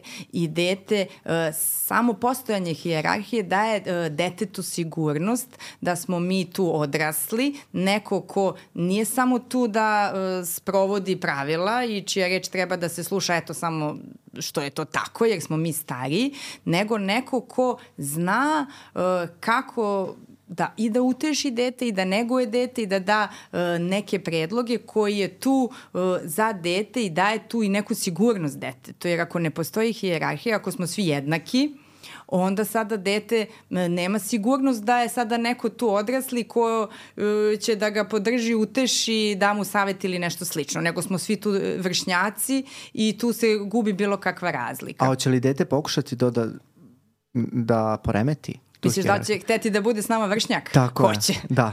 Znači svako dete, da. svako dete će testirati granice i mi smo u stvari čuvari tog sistema. Znači mi, mm. kao, kad kažem mi, mislim roditelji, moramo da budemo uh, odrasli i stari i pametniji i da čuvamo taj sistem hijerarhije.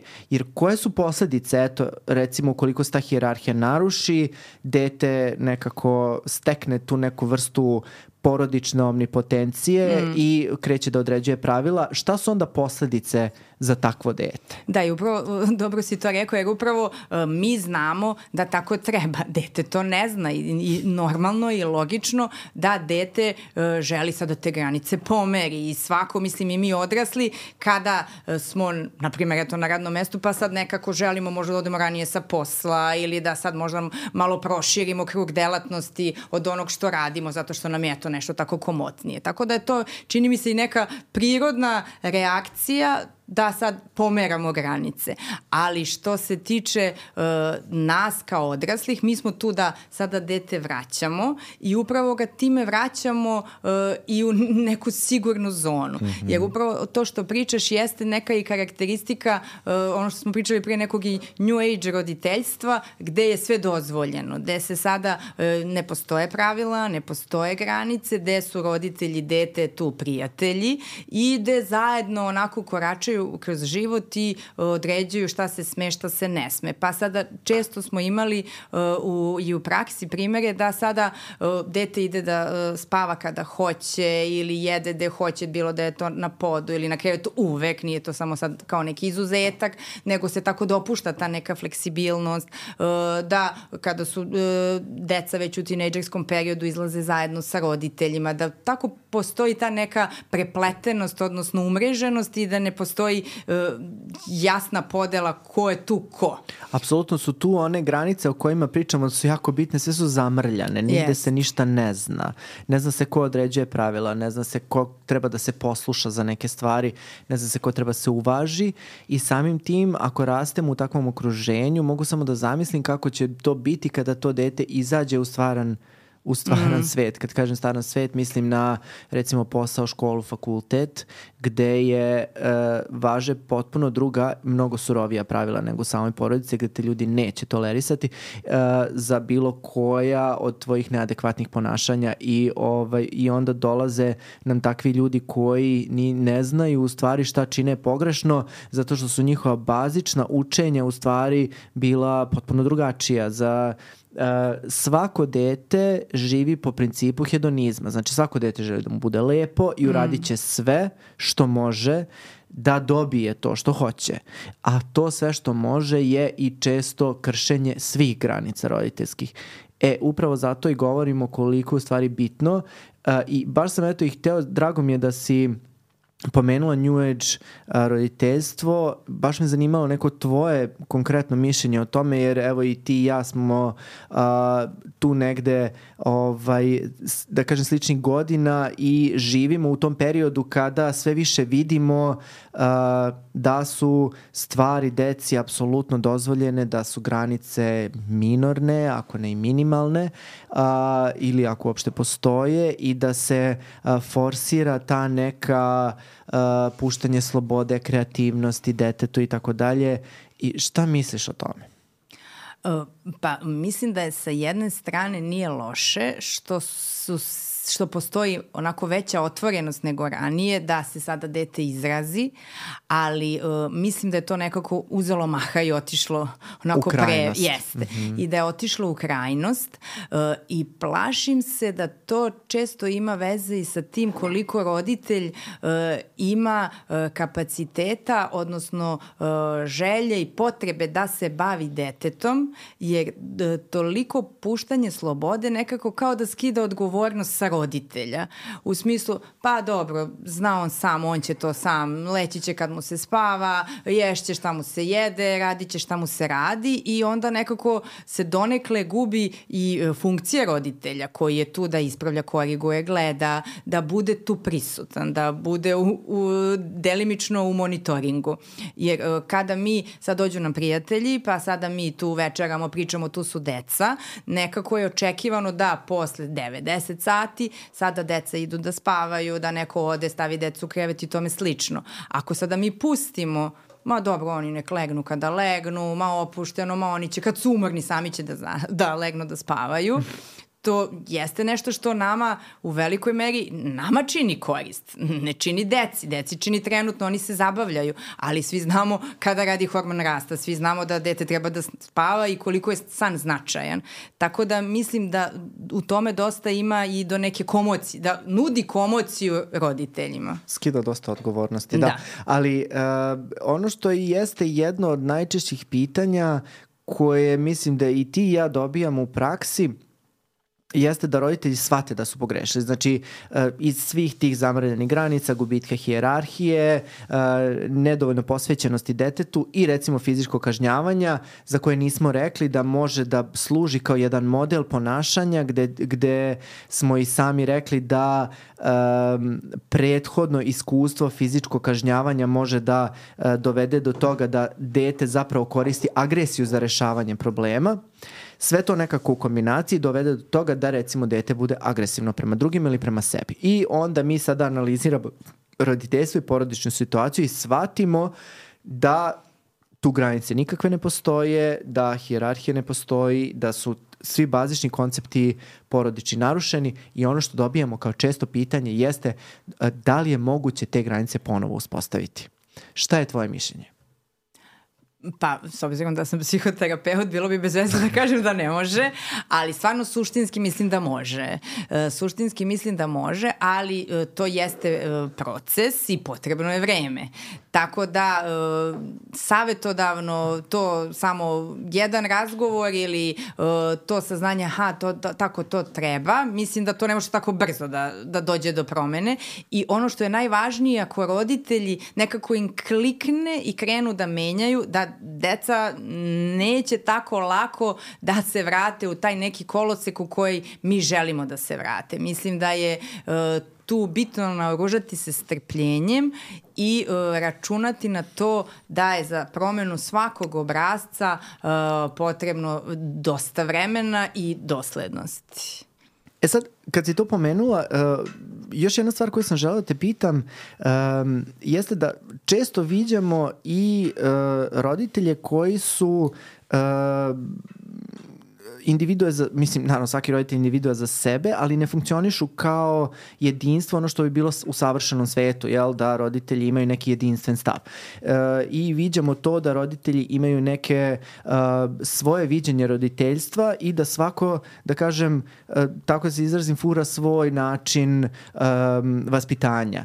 I ono što često viđamo jeste da recimo uh, majka sve dozvoljava, a otac je uh, previše strog ili obrnuto ili je majka previše stroga, a otac je previše ono permisivan. Kakve to posledice može da ima po dete? Da, to, te razlike u roditeljstvu jesu veoma česte e, i nekako je očekivano s obzirom da su dve o, osobe ulaze u novu zajednicu i dolaze, kao što smo rekli, sa različitim iskustvima, da imaju različita neka viđenja i stavove u vaspitanju i neka i svoja iskustva kako je to izgledalo njihovim porodicama. I to kada se ukrsti može da, a ako je razli, dosta različito, e, može da dovede do popriličnog haosa e, jer e, dete onda bude dosta zbunjeno, jer e, mama priča jedno, tata priča drugo e, i često se onda dešava da se stvaraju koalicije ili savezi, odnosno da dete, na primjer, bude u savezu sa tatom, a protiv mame, jer tata sve dopušta, a mama je ta koja je stroga i postavlja zabrane i onda ono dođe tati i kaže, e dobra, ovo će, mama mi ovo ne doćeš mi ti dati? I on kaže, pa da, da, hoću, ali nemoj sada kad ona ne bude gledala. I uh, onda to pravi dvostruku štetu, pravi štetu kada pričamo o detetu, jer e, ono u tom nekom nedoslednom sistemu stalno uh, vaga i nauči nekako da, da postane tako, ajde da kažem, i manipulator na neki način. A što se tiče roditeljskog para, češće su svađe, češće, češće su konflikti, jer e, naravno majka u ovoj priči e, vidi da sada dete dobije ono što je ona zabranila, ulazi u svađu sa mužem i onda to e, naravno može da utiče i na njihov bračni odnos i na osjećaj njihov kakvi su oni kao roditelji, tako da jeste jedna od važnih zadataka kada radimo sa roditeljima da ispitamo to kako, kako, šta oni misle, kakvi su njihovi ovaj, prvo stavovi vezano za roditeljstvo, kako to izgleda konkretno, odnosno uh, u, na terenu kućnom uh, i kako se oni sa tim razlikama bore. Jer dešava se, kao što smo rekli, mislim u većini slučajeva postoje neke razlike. E sada neki roditelji to vide, pa prećute ako bi nešto oni rekli e, što je mama na primjer rekla pa se tata ne slaže pa sad ne uleti odma da kaže ma ajde pusti dete nego sačeka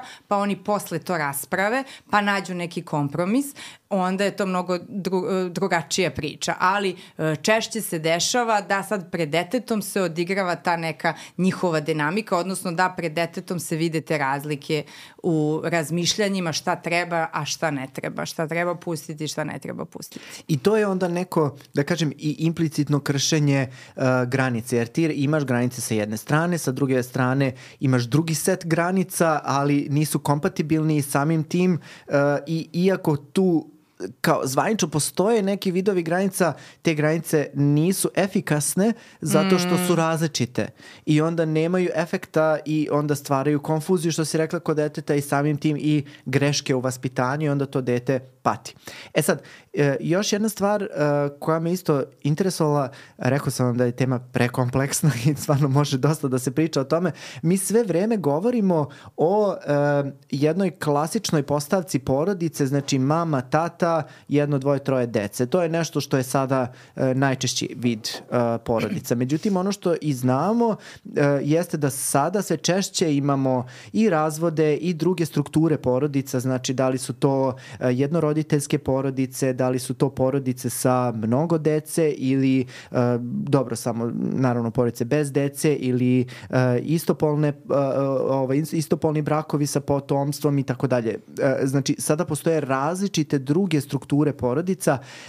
Da li evo ono što je zabrinutost jedna roditelja koji dolaze kod nas na savjetovanje jeste da li moje dete e, može da se razvije adekvatno ukoliko nema oca ili majku. Znači i to su, e, evo govorim mm. iz konteksta jednoroditeljskih porodica.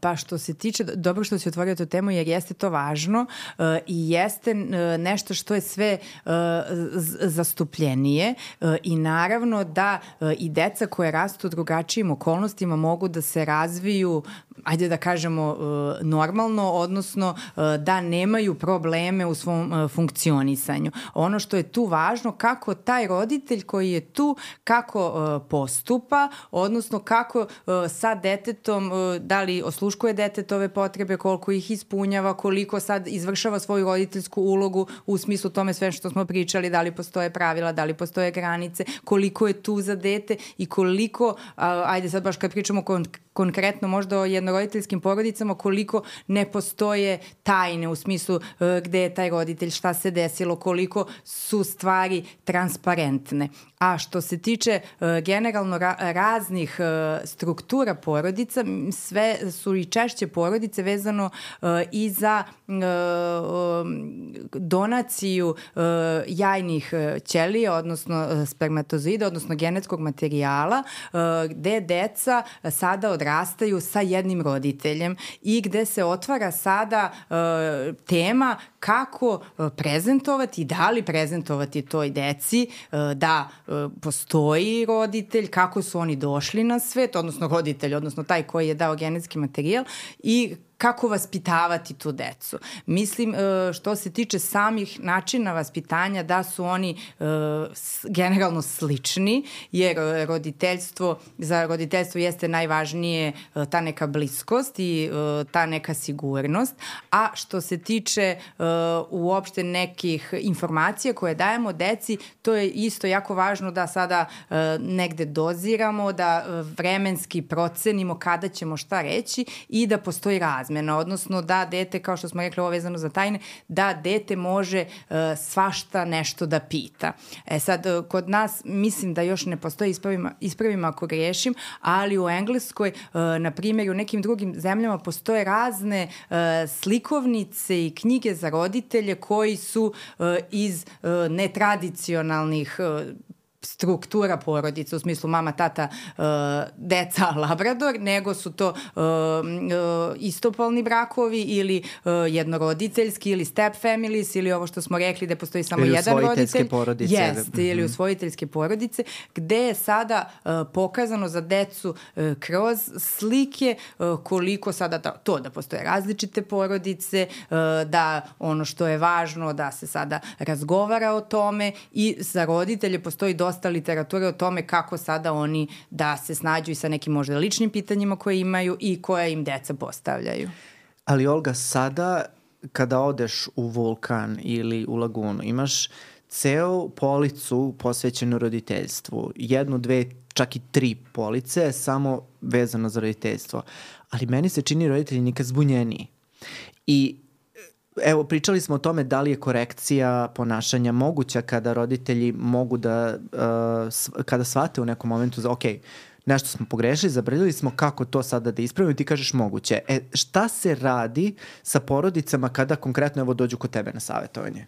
Mm, samo da ti prvo kažem za te knjige da, da, da ja se slažem da postoji uh, baš puno knjiga, možda i previše. I negde ja kad dođem uvek mi je zanimljivo da pogledam šta ima novo i uvek ima nešto novo. I čini mi se da postoji sada i preplavljeno s tim nekim savetima šta kako se postaviti, šta treba raditi.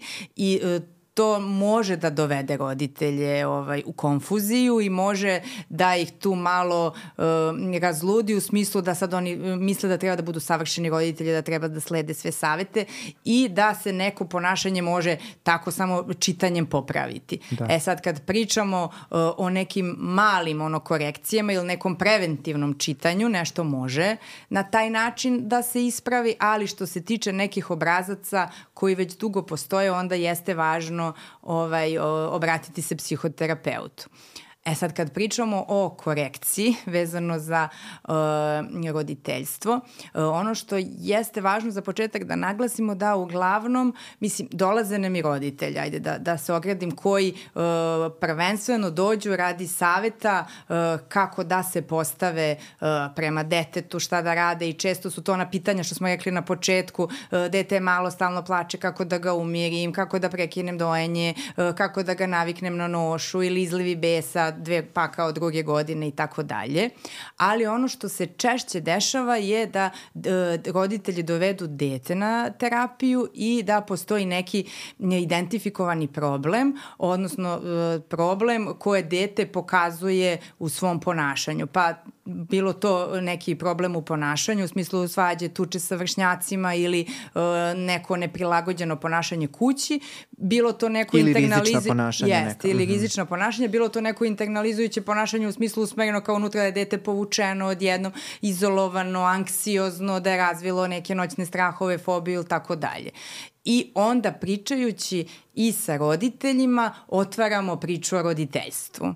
I tu negde uh, nailazimo na puno izazova, uh, jer jeste uh, ono što smo i rekli dosta teško roditeljima uh, ukazati na nešto što bi možda uh, trebalo drugačije i jako je važno da tu imamo uh, postepenost u pristupu i da uh, ne uđemo, a lako je ući, ući uh, u ulogu uh, spasioca deteta. Jer prvo uh, mi kao, ajde da kažem, svi ljudi, uglavnom kad je malo dete u pitanju, kad vidimo nekog uh, bebu ili malo dete, imamo poriva ako plače, da pogledamo da se okrenemo zašto plače, da ga utešimo, uh, jer je ono tako malo nemoćno. Onda drugo drugo kao uh, psiholozi, psihijatri, sve negde struke koje se bave decom i svega toga što su i čitali, smo povišeno senzitivni za patnju dece, a onda dodatno znajući sva ta neka znanja i istraživanja vezano za uh, neku štetu koju može da naprave neki pogrešni koreci u roditeljstvu, vrlo lako skliznemo u to da sad mi to dete moramo da spasemo odmah ako vidimo neku, ajde da kažemo, uh, grešku u roditeljstvu, odnosno neko ponašanje kod roditelja koje treba ispraviti i krenemo odmah sa, e pa to ne bi trebalo tako, krenemo sa uh, podacima iz istraživanja, iz literature, krenemo odmah sa korekcijom. I onda tu dolazi najčešće do izomorfizma, odnosno mi se ponašamo kao što se taj možda roditelj ponaša prema detetu, odnosno koriguje ga, strogije, proganja ga, kao što mi sad progonimo te roditelje. Tako da je tu jako važno da mi kao profesionalci onako stanemo i kad nešto primetimo, da ne reagujemo na prvu loptu, nego da mi e, stvorimo, kao što očekujemo od roditelja, da stvori sigurnu bazu za dete, da mi stvorimo sigurnu bazu na terapiji za tog roditelja, da se on oseti e, dovoljno e, dobro i bezbedno, da sa nama počne da priča o sebi, odnosno o svom roditeljstvu. I tu e, otvaramo prozor za promenu. I tu onda mi nekako ispitujući roditelja roditelje o njihovom detinstvu, o njihovom, uh, njihovim e, primarnim porodicama, o tome šta on sada radi, uh, otvaramo teme i postajemo refleksivni za roditelje, a upravo je to ono što želimo da oni postanu prema svom detetu. Mm. Ali uh, koliko je teško stvoriti taj primarni korak? Taj, taj prvi uvid roditelja. Jer kao što kažeš, to je najčešća situacija kada dolaze roditelji i kažu imam dete koje ima problem sa agresijom, imam dete koje ima problem sa uh, zloupotrebom uh, trave, kokaina i tako dalje. I dovode njega na terapiju. I ti onda kao porodični terapeut, ono što znaš, i samo crtamo genogram, ispitujemo ih o tome kakvi su oni bili kao deca, kakvi su njihovi roditelji bili prema, prema njima, čime se bave, bave bake i deke i tako dalje, jer tražimo konstantno taj ponavljajući obrazac koji se kroz po, porodicu a, a, nekako provlači i koliko a, i, i sad oni su došli da reše problem deteta i odjednom se promeni ceo, uh, cela vizura pogleda na taj problem gde mi uplićemo i roditelje tu. I ono što je jedan od dva scenarija jeste, neki roditelji će reći da, uh, stvarno postoji i naša zasluga u svemu tome, a druga je uh, zašto ti mene ispituješ, ja sam tebi došao, doveo dete da ti rešiš to problem, zašto je bitno kako je moje detinstvo bilo. E zato te pitam, da li nailaziš i na te otpore u terapiji kada uh, zapravo krećeš da analiziraš celu porodicu, koliko je teško roditeljima da na, sami naprave uvid u njihovo ponašanje i njihove neke obrazce da bi se došlo do rešenja problema? Pa da, nailazim. I to jeste nešto što uh, se isto javlja, ali je tu nekako važno proceniti kada uh, i dokle treba da idemo.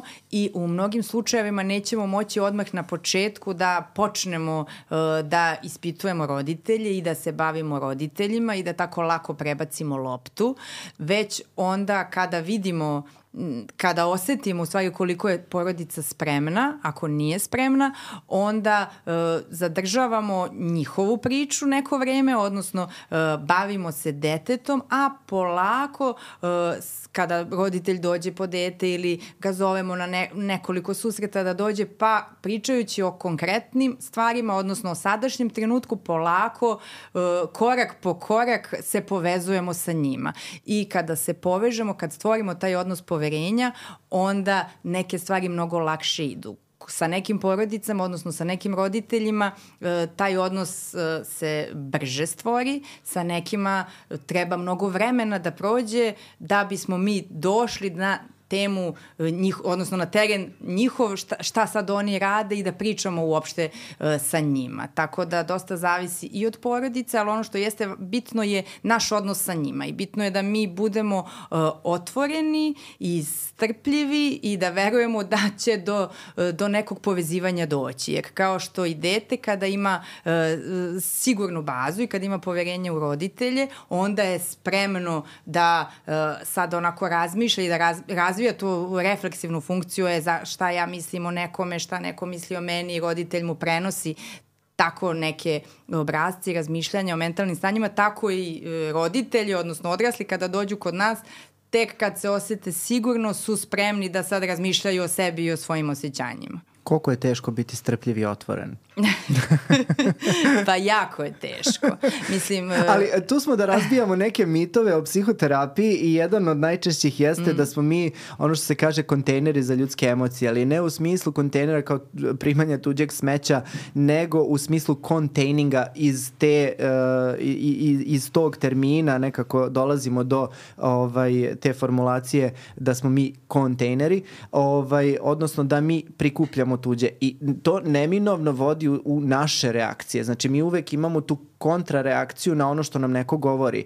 I ako ti neko govori da je bio nasilan prema detetu, da je um, da su postojale neke e, teške uvrede i ti onda imaš tu neku inicijalnu potrebu da zaštitiš dete, koliko je teško ostati tako otvoren i pribran da, se, da, da, da prosto uh, jer znamo da bi kontrareagovanje izgubilo te roditelje iz mm. terapije. Mm, pa jako je teško. Uh, mislim da je meni pogotovo bilo teško na početku ja sam u principu dosta nestrpljiva i očekujem da se odmah nešto desi, ali negde imajući na umu i uh, dete i celu porodicu i potrebu za promenom, uh, sama ta činjenica da mi ako brzo odreagujemo da ćemo svakako izgubiti, a uh, dešavalo se uh, i meni konkretno da ljudi kada sada ti kreneš da intervenišeš jer vidiš da se sad neke stvari ozbiljne dešavaju da oni jednostavno prestanu da dolaze, da nemaju, odnosno ne žele da se uh, neko bavi sa njima i tu nekako bude kraj. Tako da... Što je baš nekako paradoks jer došli su tu po pomoć, mm. a kada pomoć pokušava da im se pruži, a previše je bolna i teška, onda se odustaje. Mm. I to je nekako uh, baš interesantan paradoks da, da u momentima kada promena treba da se desi, neke porodice ipak nisu spremne na, na tu promenu. Jeste. Jeste i tu jeste najvažnija neka i uvremenjenost, jer u suštini uh, mi nekad mislimo da promena uh, može i treba doći brže i bilo bi super da se tako desi, ali nažalost porodic, mislim, nažalost, takav je njihov tempo, ona nije spremna i njima treba neko vreme. I nekako kada smo i duže u procesu sa porodicom i kada još dodatno saznamo neke stvari koje nismo znali na početku, često onda imam taj aha efekt, pa da sad mi je jasno zašto sad oni pre šest meseci, godinu dana nisu mogli. Šta se sve to dešavalo, a mi nismo znali. Mm. Tako da mi u suštini vidimo samo taj neki izvučeni segment, a ne vidimo svašta nešto što, što se krije iza. Da.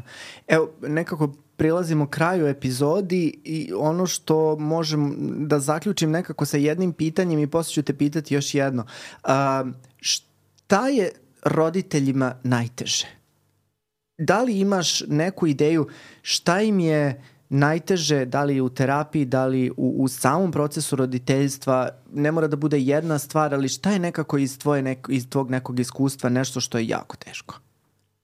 Pa prvo što mi pada na pamet, a uh, paralelno mi još to nešto. To želim, to želim, to što ti prvo pa mislim, palo na pamet. Pa mislim da je to uh, ta neka, ono što smo pomenuli, ta neka nemoć, da oni ne mogu uh, da uh, pomognu svom detetu, odnosno da oni ne mogu prvo da koriguju nešto što bi želeli, odnosno što možda i drugi vide da treba da se promeni, a uh, i da su zbog toga došli po pomoć, a, a drugo je uh, uopšte to neko razmišljanje uh, da će možda upropastiti svoje dete. Jer često imam uh, roditelje koji se plaše da eto nešto, da li će ostaviti posledice, pa kakve će ostaviti posledice i to neko kajanje zašto su se ranije ponašali tako kako su se ponašali. I to samo može onako da ih zaledi u nekoj promeni u smislu da su i dalje vezani za prošlost i da sad preispituju sve neke akcije koje su već prošle umesto da se bave time šta, ajde šta sada možemo da, da.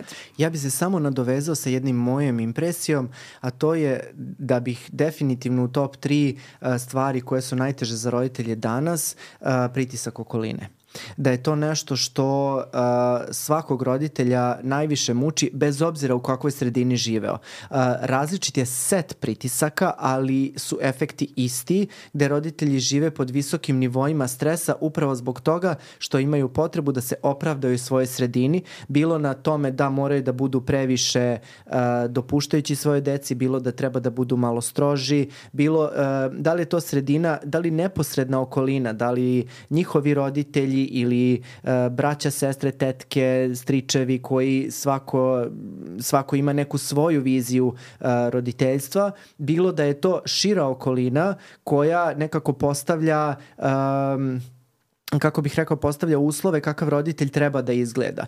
I um, sada va, vaganje između toga kako ja zamišljam da treba biti roditelj, kako bi sam čitao u ovoj popularnoj literaturi i šta mi uh, sredina servira, mislim da tu nastaje potpuni haos u, u, u glavi svakog roditelja i uh, zato sam i imao ideju da napravim samo jedan uh, podcast o kome ćemo neka, uh, gde ćemo objediniti sve ove jako široke teme gde svaka zaslužuje svoju epizodu, ali da, ih nekako objedinimo i da kažemo svim tim ljudima da nisu sami i da je potpuno normalno da se tako osjećaju i da rešenja ima. I mislim da smo mm. to i mm. postigli. Jeste, jeste. I samo da dodam, uh, ovaj, kada pričamo uh, vezano i za to koliko sada ima i očekivanja i koliko ima i literature i uputstva šta treba raditi i kako se sada sa time snaći, uh, možda nije loše za kraj da nekako kažemo šta je to što sada može da pomogne, a uh, mislim da nema jednog rešenja, mislim da nema sad, a često nam dolaze pa pitaju šta sad mogu da uradim i očekuju sad neko univerzalno rešenje, e ako se ponaša tako ti uradi ovo, a ako se ponaša tako ti uradi ovo, uh, tako da jeste to nešto što nadam se uh, da će pomoći roditeljima, uopšte ta činjenica da sad ne mogu odma nešto da promene i da ne postoji uh, jedno rešenje. Uh, i mislim da je suština o tome, u tome uh, nekako Mary Ainsworth je super uh, uvela još davno termin attunement, odnosno uključenost, odnosno uh, kada nešto radimo, kada smo u, i vezano mi kao terapeuti sa porodicom i roditelj sa detetom,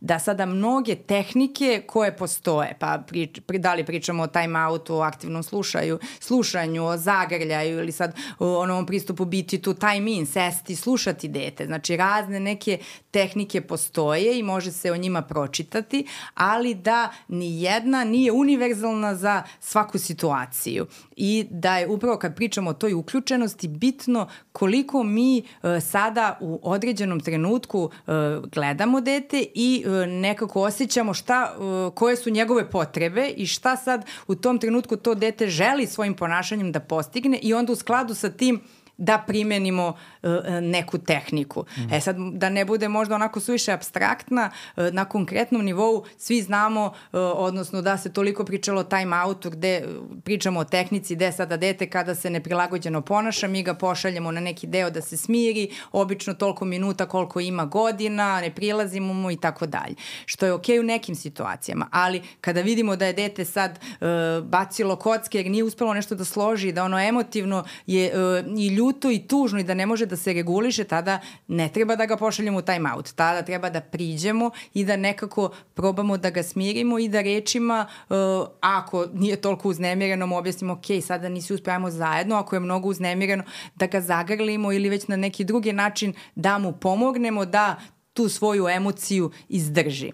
Isto tako kad pričamo o aktivnom slušanju, ok, treba slušati decu i nekako to sad roditelji u nekom momentu mogu bukvalno da shvate da sad ja stalno treba da slušam šta dete priča i uh, jako je važno da budem tu. Ali ako dete, na primjer od četiri godine sada penje se i misli da je zanimljivo da se otvori prozor i da se sad pogleda kuće, a prozor je na petom spratu i ono krene da nam objašnjava zašto to hoće da radi, ne, naravno da ga nećemo aktivno slušati, nego ćemo prići, um, rećimo da to ne sme i skinuti ga sa prozora. Da. Tako da mislim da ono uh, što jeste važno da zaključim je uh, proučavati, odnosno osluškivati i dete i sebe i celokupan kontekst u kome se neko ponašanje dešava. Upravo to budi ruka koja vodi reč koja yes. sokoli. Mislim da to nekako zaključuje celu priču.